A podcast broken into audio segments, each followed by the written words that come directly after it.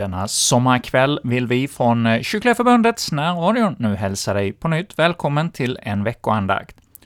Och så här mitten i sommaren så tänkte jag att vi ska ta och lyssna till ett program om sommarsalmer. Det är ett samtal som jag hittade på församlingsfakultetens hemsida och podd, där man eh, har ett program mellan Daniel Johansson och Kristoffer Helle som samtalar om sommarsalmerna i vår psalmbok.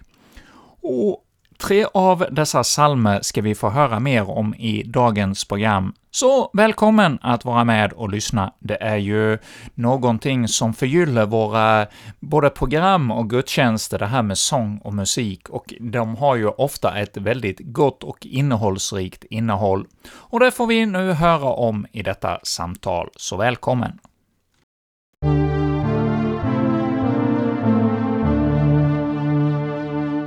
Men nu går vi över till sommarsalmer. Mm. Och eh, sommarsalmer ja. hittar vi i psalmboken. Det gör vi och här tror jag att eh, många kan numren till och med på dem. 199, 200, 201. Det är ju de tre mest kända. Sen finns det faktiskt en i den andra delen av psalmboken. Ni vet att eh, vår psalmbok är uppdelad i två huvuddelar. Den första ekumeniska delen som, som Svenska kyrkan delar med, med flera andra samfund och sen den andra delen som är specifikt för Svenska kyrkan. Och i den delen så har vi också 517, en, en sommarpsalm som väl inte sjungs så ofta, men, men eh, både fin innehållsmässigt och eh, en, en vacker melodi. Det är en psalm av Grundtvig från Danmark. Vi kanske ska prata mer om den sen. Ja. Men den första det är ju 199. Mm. Den blomstertid nu kommer. Skolavslutning. Ja. Och det är skolavslutningstider nu. Ja. Vi får hoppas att vi på någon skolavslutning i alla fall får sjunga den här salmen. Mm, det gör man. Åtminstone så sjunger man kanske vers 1 eftersom den inte nämner Gud. Vers 2, där nämns Gud och då kan det bli lite svårare. Och i vers 3 så, så återkommer Gud. Ja, och ännu då handlar det om vårt lov och, och pris av honom.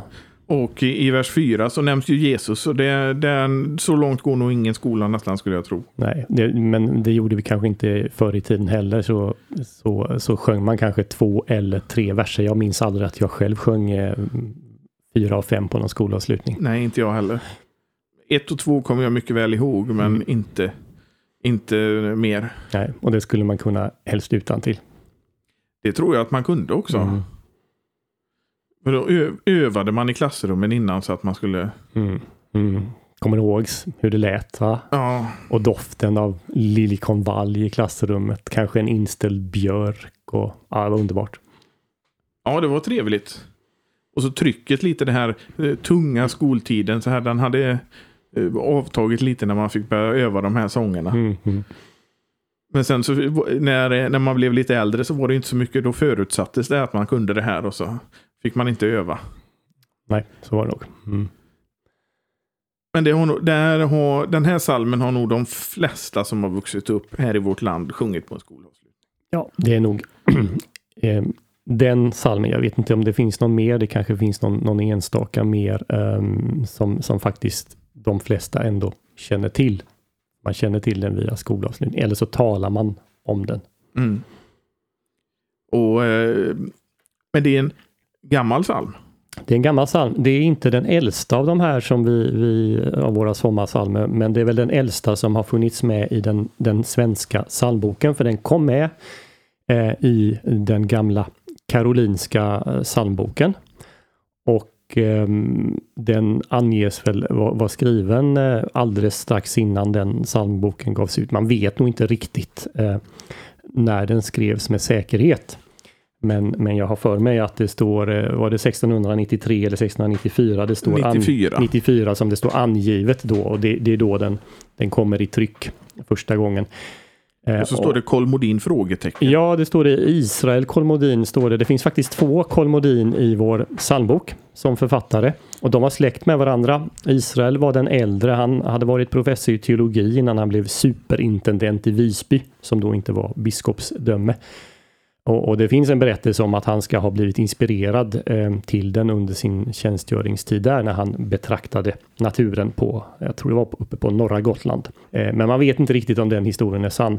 Han, hade, han var farbror eh, till den andra Kolmodin i, i vår psalmbok eh, som, som skrev, han, han har ett par av, av salmer som är ganska kända. Vart flyr jag för Gud? Och eh, Giv akt eh, heter den väl, och Kristen på din gång. Det var Olof Kolmodin som var kyrkoherde i, i Västra Götaland. Eh, men Israel eh, anges som författaren då till den här salmen som dyker upp i, i, i eh, den gamla karolinska psalmboken.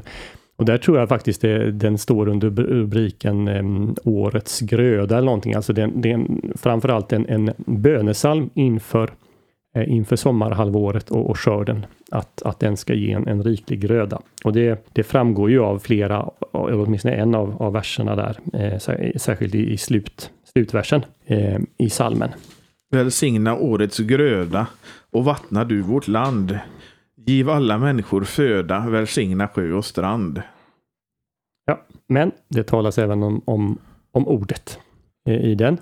Eh, om man, om man, vilket man, vi kan uppmana våra lyssnare här att faktiskt ta fram psalmboken och läsa igenom de här tre, fyra psalmerna. Man hittar vissa mönster, det är genomgående saker och eh, alla handlar ju om den första artikeln, om, om skapelsen. Det gör de i första hand alla psalmerna nämner nog inte ens Eh, Jesus och inte försoningen, utan här är det koncentration kring, kring skapelsen. Eh, eh lite lustigt eh, är faktiskt att i samtliga fyra psalmer så nämns fåglar eh, i vers 2 eller 3 eller 4. I, i, I den här är det ju vers 3, va? Man hör fåglar sjunga med många handa ljud. Och fåglar dyker upp i denna ljuva sommartid i en vänlig grönskas rika dräkt och även i Grundtvigs psalm. Så det, det är kanske något som är typiskt för vår breddgad, att man tänker på den fågelsång som väcks till liv under våren och vi får höra under sommaren. Ja, det är nog många som, som tänker på det med fågelsång mm. och, och, eh, vår och sommar. Ja.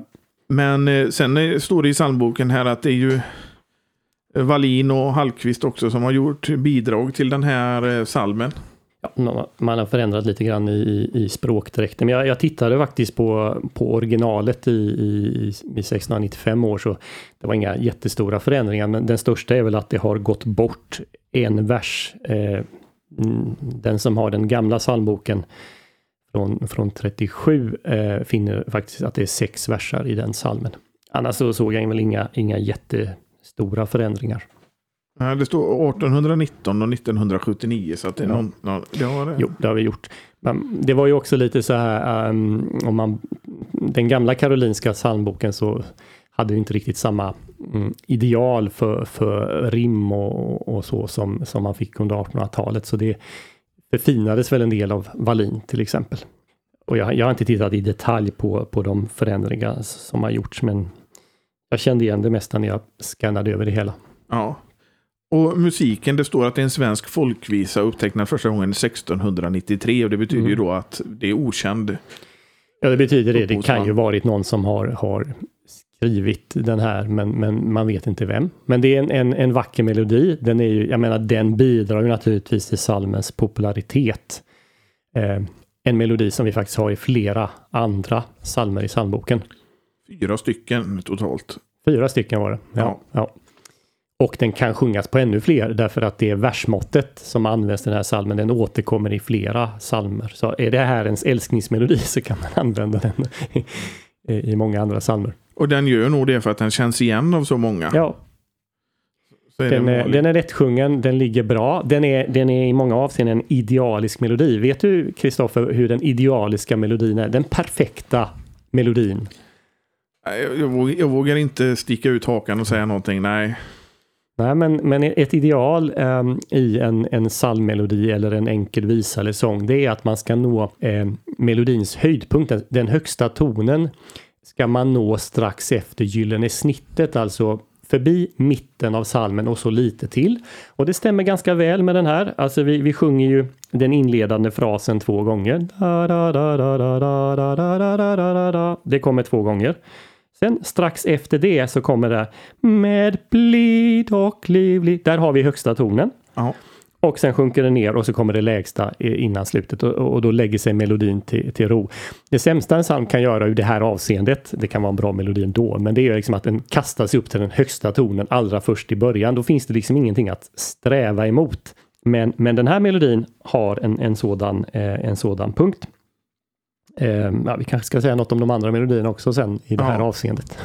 Men jag tror att det, det just många melodier som har det här, den här linjen är också sådana melodier som folk tycker om att sjunga. Det, det är någonting som det, ligger kanske nedlagt i, i skapelsen. Och det är inte jättehögt här heller, utan den går upp till G. Ja, det beror ju på vilken tonart vi sjunger den i förstås. Men, men vi sjunger ju lite lägre nu för tiden än man gjorde för, Ja. förr i tiden. Vi har ju blivit längre sägs det. Ja, det, det är förklaringen. Ehm, och, och, och i takt med att vi blir längre så måste vi sjunga lägre ner. Det är en väldigt fin melodi, en, en vad ska man säga, tilltalande melodi som man kan som sätter sig på, på huvudet. Man skulle kunna säga att det är nästan en hit. Det får man nog säga. Ja, Det får man. Ehm, och, och jag faktiskt spontant när jag tänker på den melodin så har jag eh, det är inte direkt det man förknippar med svensk folkmelodi därför att den här går i dur. Den har inte något vemod i sig som de flesta svenska folkmelodier har. Eh, och jag vet inte heller om jag direkt förknippar det med en typisk melodi för eh, sent 1600-tal eller 1700-tal. Kanske till och med, ja möjligtvis en 1700-talsmelodi. Det är för den, för den som nu är pianist eller organist eller så, så är det här en ganska bra melodi för man kan göra ganska mycket omharmoniseringar och förändringar på den. Den är lätt att variera. Jo, men det, alltså, den har ju, den är, och det är ju lite som det här att man pratar kring, kring jul, att det finns vissa låtar som alltid återkommer och är, har den här hitpotentialen kring jul. Men den här har ju en hitpotential kring varje sommar tycker jag. Det, Det är så, när den här melodin kommer då känner man att nu, nu är sommaren inne eller på väg. ja, och det är lätt att den sätter sig på huvudet, att man går Ja. runt och nynnar på den. Ja. Och, eh, Nej, men det är en lyckad melodi. Jag tror faktiskt inte att salmen hade varit så här populär om det inte varit just för den, den melodin. det är fjärdedelsnoter och halvnoter i hela låten. Ja, det är en punkterad halvnot i slutet där. Mm. Jag tittade inte på hur den var noterad på, på 1600-talet. Men den är ju, det här är ju en originalmelodi. Ja. Så det har varit samma hela tiden. Det är möjligt att det finns några folkliga melodier, i- det tror jag det gör, till den här. Men Så att, men så att det, det, är inte, det är inte direkt några snabba eh, ändringar, utan den ligger väldigt lätt. Mm. Och, den, den är lättsjungen. ja, det är den. Mhm. Det är den. Kanske därför den har gjort sån succé på skolavslutningarna också. Jag tror det, det spelar in, eh, men också, jag menar, budskapet är ju det här, liksom en, en, vi svenskar, vi, vi som lever långt upp i norr som, som har en, en, en vinter eh, där naturen vilar, dör och sen får uppleva det här igen, att det blommar upp, eh, det blir grönt och, och naturen får liv. Det ligger nära till hands för oss att beskriva den, den ljuvlighet, det man känner när det börjar värma igen. Och det är ju det som som framkommer i den här texten. Och så eh, här, liksom i alla andra sommarsalmer, så det vi upplever i naturen, Guds skapelse, eh, det beskriver sen psalmförfattaren hur, hur eh, det ska dels uppmana oss till Guds lov, eh, hur, hur, hur Gud verkar på det här sättet. Eh, men, men det lev, ofta leder tanken också till, till paradiset som vi ser fram emot. Det finns det faktiskt inte i den här salmen men däremot i, i de andra sommarsalmerna. Vi nämnde det att Jesus nämns inte i kanske i alla salmer. Nej. Här gör han det väldigt eh, specifikt på att O Jesus, du oss frälsar, du är den svages sköld. Mm. Dig glädje sol vi hälsar, värm upp vårt sinnes köld. Här, här görs ju en parallell mellan Jesus och den värmande sommarsolen, vilket ju är en, ett messianskt tema egentligen. Va? Alltså rättfärdighetens sol som ska gå upp med läkedom under sina vingar i, i Malaki bok. Det är förmodligen en anspelning på det. Och, och som en värmande sol eh, ska han ge kärlek åt det hjärta som ingen kärlek får och att vi också till vårt sinne blir uppvärmda som naturen. En, parallell mellan det som sker i, i, i skapelsen, eh, i naturen och det andliga liv eh, som, som Jesus vill verka hos oss i den salmen. Du är de svagas sköld. Det jag tycker jag är fint. Mm. Ska vi gå vidare till nästa psalm? Ja, och det är, den, det är den äldre, äldsta av de här då i denna ljuva sommartid och internationellt sett så är ju denna den mest kända. Det är av den store välkände lutherske psalmdiktaren, han som räknas som den största under den lutherska ortodoxins tid, eh, Paul Gerhardt. Som skrev så många underbara, ofta ljuvliga, glädjefyllda psalmer eh, trots att han, han, levde ett liv i, i eh, eh, mycket svårigheter, eh, mycket misär. Men han hade också perioder eh, när, när, när solen log och, och, det var faktiskt i hans fall så att det var när, när han kände stor glädje eh, och, och fröjd och lycka. Det var då han skrev sina salmer. Han var inte som många andra psalmdiktare en sån som diktade när han hade perioder av, av svårigheter. Jag tror det är Gösta Hagelin i sina böcker om eh, om, om psalmdiktarnas öden, öden. Han gör den iakttagelsen att, att Gerhard är ett undantag. Han diktar när han själv känner glädje och inte under de svåra perioderna han, han, växte upp, eller eh, växte upp gjorde han men han, han, eh, han var i Wittenberg eh, under den tiden när, när 30-åriga kriget ägde rum. Och han var där ganska länge. Det dröjde länge innan han fick någon tjänst. Han kom så småningom till Berlin där han väl var informator åt någon familj. Då hade han några lyckliga år och så fick han en tjänst utanför Berlin.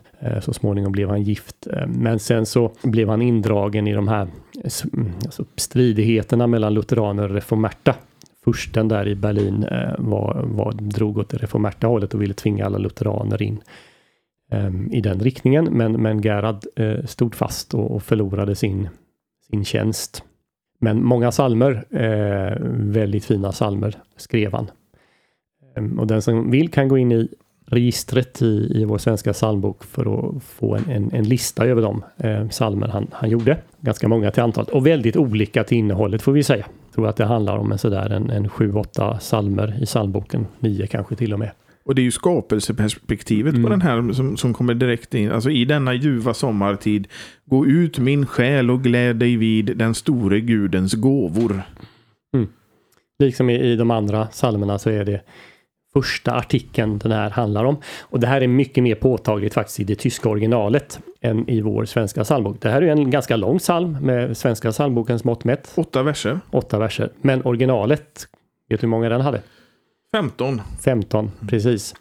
Eh, och den stora skillnaden nu mellan originalet och den svenska översättningen och det här, det här går tillbaks ganska tidigt så det inte blivit en förkortning i vår tid. I vår gamla psalmbok, 37 så hade vi 10 verser så två togs bort. Men jag tror att man ganska tidigt, kanske i den första översättningen, tog bort en hel del av verserna. Ehm, och jag tittade faktiskt på det tyska originalet här innan och eh, det som är påtagligt är att det finns så mycket detaljerade beskrivningar, iakttagelser om vad som sker i naturen på vår sommar som tyvärr försvinner i eh, den svenska översättningen. Så att verserna 3 till 8 i, i Gerhards original, de har komprimerats till vers 3 och 4. Så fokus ligger kanske mer på tillämpningen av det här. Hur, hur, vad, vad ska det här utmynna i? i vårt lov och vår tacksamhet till Gud till exempel. Men tyvärr så de här, ska vi säga, diktarens iakttagelser om, om vilka djur och, och, och han nämner bin där och det är hjortar och rådjur och, och bäck prickar eh, och, och näktergalen som sjunger och, och allting sånt där. Det, det försvinner tyvärr. Så den, den som kan tyska, sök gärna upp den här texten eh, och, och, och, läs igenom den. Oerhört vacker eh, är den i originalet. I vers 4 kan vi se att han sjunger eh, När jag hör trastens klara sång, när lärkan jublar dagen lång högt ovan fält och backa, då kan jag icke tiga still. Så att alltså, det här är alltså salt de, de sista salta salmerna där, de, där är det ju ofta beskrivet hur, hur skapelsen uppmanar till Guds lov och det är precis den här saken som sker i den här salmen. Det som sker i naturen ska uppmana mig till att lovprisa Gud för allt det underbara som finns i skapelsen. Och där hade vi för övrigt då eh, fågelversen mm. som då finns i, i alla. Det, jag, eftersom jag själv spelar lite orgel och så, så brukar jag alltid försöka lägga in en drill eh, där så man hör hur, hur fågeln visslar lite grann. Eller drillar i skyn. Ja, ja. men den, den är också omarbetad den här. Eh, och här eh, dyker namnet Britt G. Hallqvist upp igen. Ja, hon har eh, moderniserat språkdräkten en del Eh, här. Det gjordes redan innan eh, 1937 års psalmbok, men jag tror att Jag vet inte nu här, men jag misstänker att, att Britt har nu gått tillbaks till någon tidigare form och moderniserat språket något.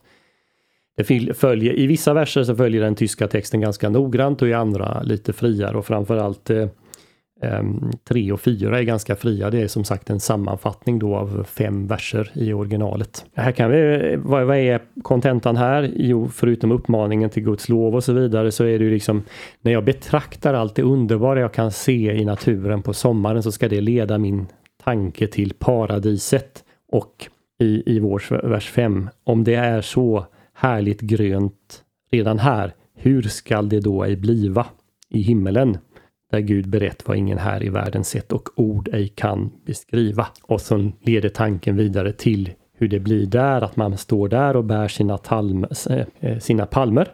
Men innan det, eh, tanken på att jag här med en, en, en somrig metafor ska bära frukt. I originaltexten talas det om andens frukter här. Här står det så låt min själ i andens häng få växa alla dagar. Gud, låt mig bära frukt i år, den frukt som dig behaga en anspelning på, på Jesu liknelse om, om, om trädet som inte bär någon frukt. Då. Och så slutar det i himlen. Behåll mig till ditt paradis. Om vi nu pratar skolavslutning. Så eh, den här salmen kommer väl på andra plats då? Ja det gör den. Jag, åtminstone jag har sjungit den på skolavslutning. Ja, det har jag och, och, och, och, spelat och, och så. Mm. Uh, men jag kan tänka mig att idag så ser nog folk större problematik i den store gudens gåvor till exempel. Jo då.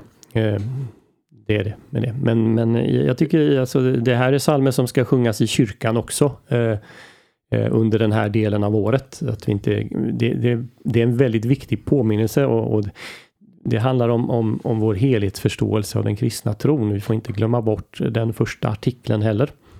Och här i, i den här salmen är det kanske första och tredje artikeln, inte så mycket andra. Det har vi i väldigt många andra salmer. Och musiken är skriven av Nathan Söderblom? Ja, svenska ärkebiskopen. Och det här får vi också säga är en, en hit. Eh. Det är helt klart. Jag tycker inte att det är en lika stor hit som Den blomstertid nu kommer, men helt klart en hit. Ja, den är lite svårare att sjunga, men det är också när den här melodin kommer så får man så här sommarkänslor. Helt klart. Och den har vi också, den har återanvänts en hel del. Vad var det vi räknade ut? Var det fem, fem salmer i, fem. psalmboken? Ja. Så den, den vinner över den blomstertid? Ja, det gör den faktiskt. Ja. Um, och jag noterade att ett par, par eller om det var tre av de psalmerna var faktiskt psalmer som handlar om, om begravning och sådär. Så alltså det här temat som finns i slutet här att behållas till paradiset och så, det återkommer när den här melodin eh, används.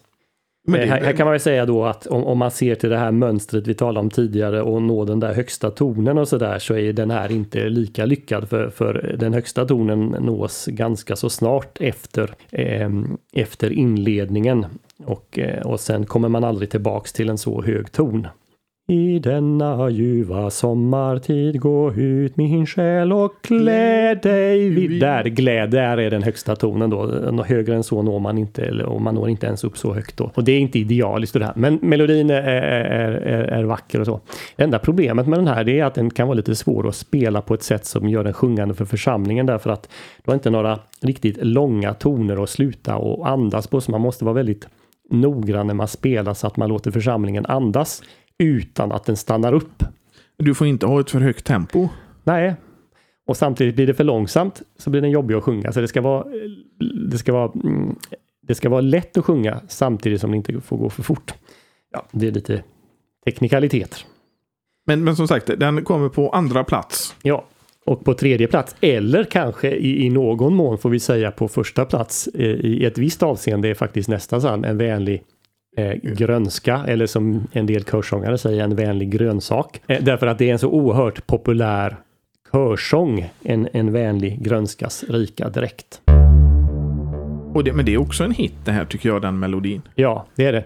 Men det är inte den melodin som vi hade i gamla psalmboken utan den kom in då till 86 eh, efter att, eh, att eh, Åhlén då eh, skrev den här körsatsen 1933.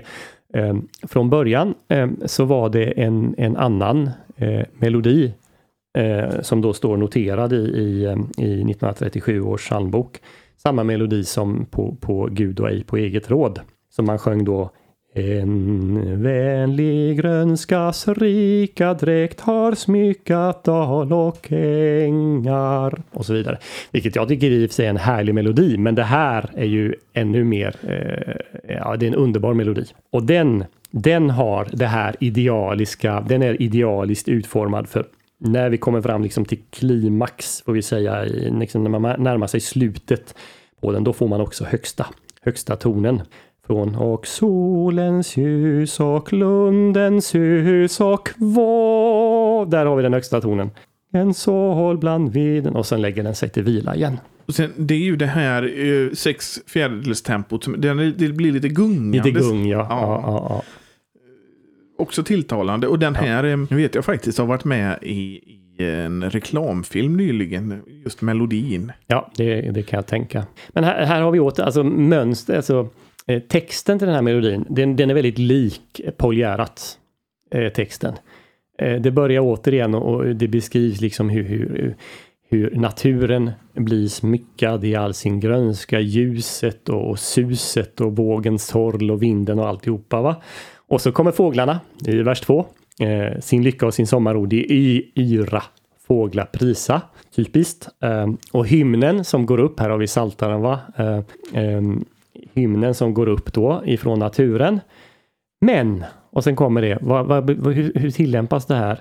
Jo, det viktigaste i allt det här är att jag aktar främst ditt ord och dina nådes under. Och så påminns om orden från Jesaja bok att allt kött är hö och blomstren dör, det som förbliver Herrens ord. Och det temat tas vidare i den fjärde versen. Allt kött är hö, allt flyktar här. Men Herren är ett oförgängligt väsen och att jag får det liv som aldrig förblommar. Så det finns lite, lite mer av vemod, lite mer av höstkänsla redan med i den här vetskapen att det här vackra eller redan under de torra sommardagarna så vissnade ner. Och så utmynnar det hela då i, i paradiset med en anspelning, en underbar anspelning på Höga Visan är det ju i vers 5. Min vän är min och jag är hans, vårt band är oförgängligt och sen blir jag en blomma eller en växt i paradis. Han huld och vis mig sist skall omplantera där intet vissna mer. Alltså mynnar det ut i detta glädjebudskap att det finns något oförgängligt. Om man ska ha dop på sommaren så tycker jag det här är en utomordentlig psalm. För det har du Min ande giv det nya liv ja. som aldrig ska förblomma. Fast äng och fält står stå tomma. Ja, där, där är till dopet och, och ett par av verserna här absolut om man har en, en psalm innan predikan till exempel, alltså Guds ords eh, verser här, både vers 3 och, och vers 4 eh, om, om nådesordet och så. Ja, så det, det finns väldigt mycket i, i den psalmen. Alltså, det är inte, när man, när man tittar lite djupare på det så är det inte bara det här sommartemat utan det finns mer. Skapelsen mm. och här finns dop och det finns, eh, det finns så mycket mer än bara det här som man tittar på i första ögonkastet. Mm, mm. Och jag tror att de, de här psalmerna lär oss eh, när, när, när, vi betraktar naturen och, och, det under vi ser på nytt varje år, så ger det oss olika infallsvinklar hur vi, hur vi kan tillämpa det också på, på vårt andliga liv.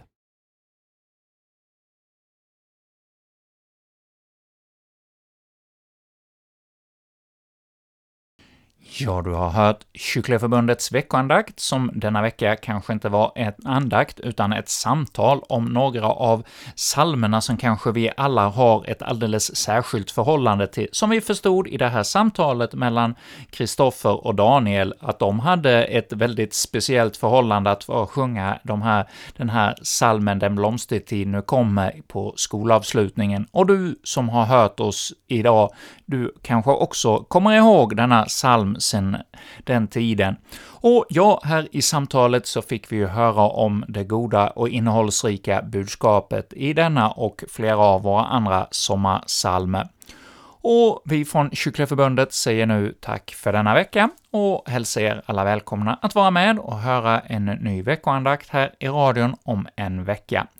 Och med detta säger jag som heter Erik Olsson och är programledare, tack för denna gång. Och kan avsluta med att också nämna om att eh, på FFG-podden eller ffg.se, där kan du lyssna till eh, både detta program och många andra program där man samtalar om olika teologiska frågor.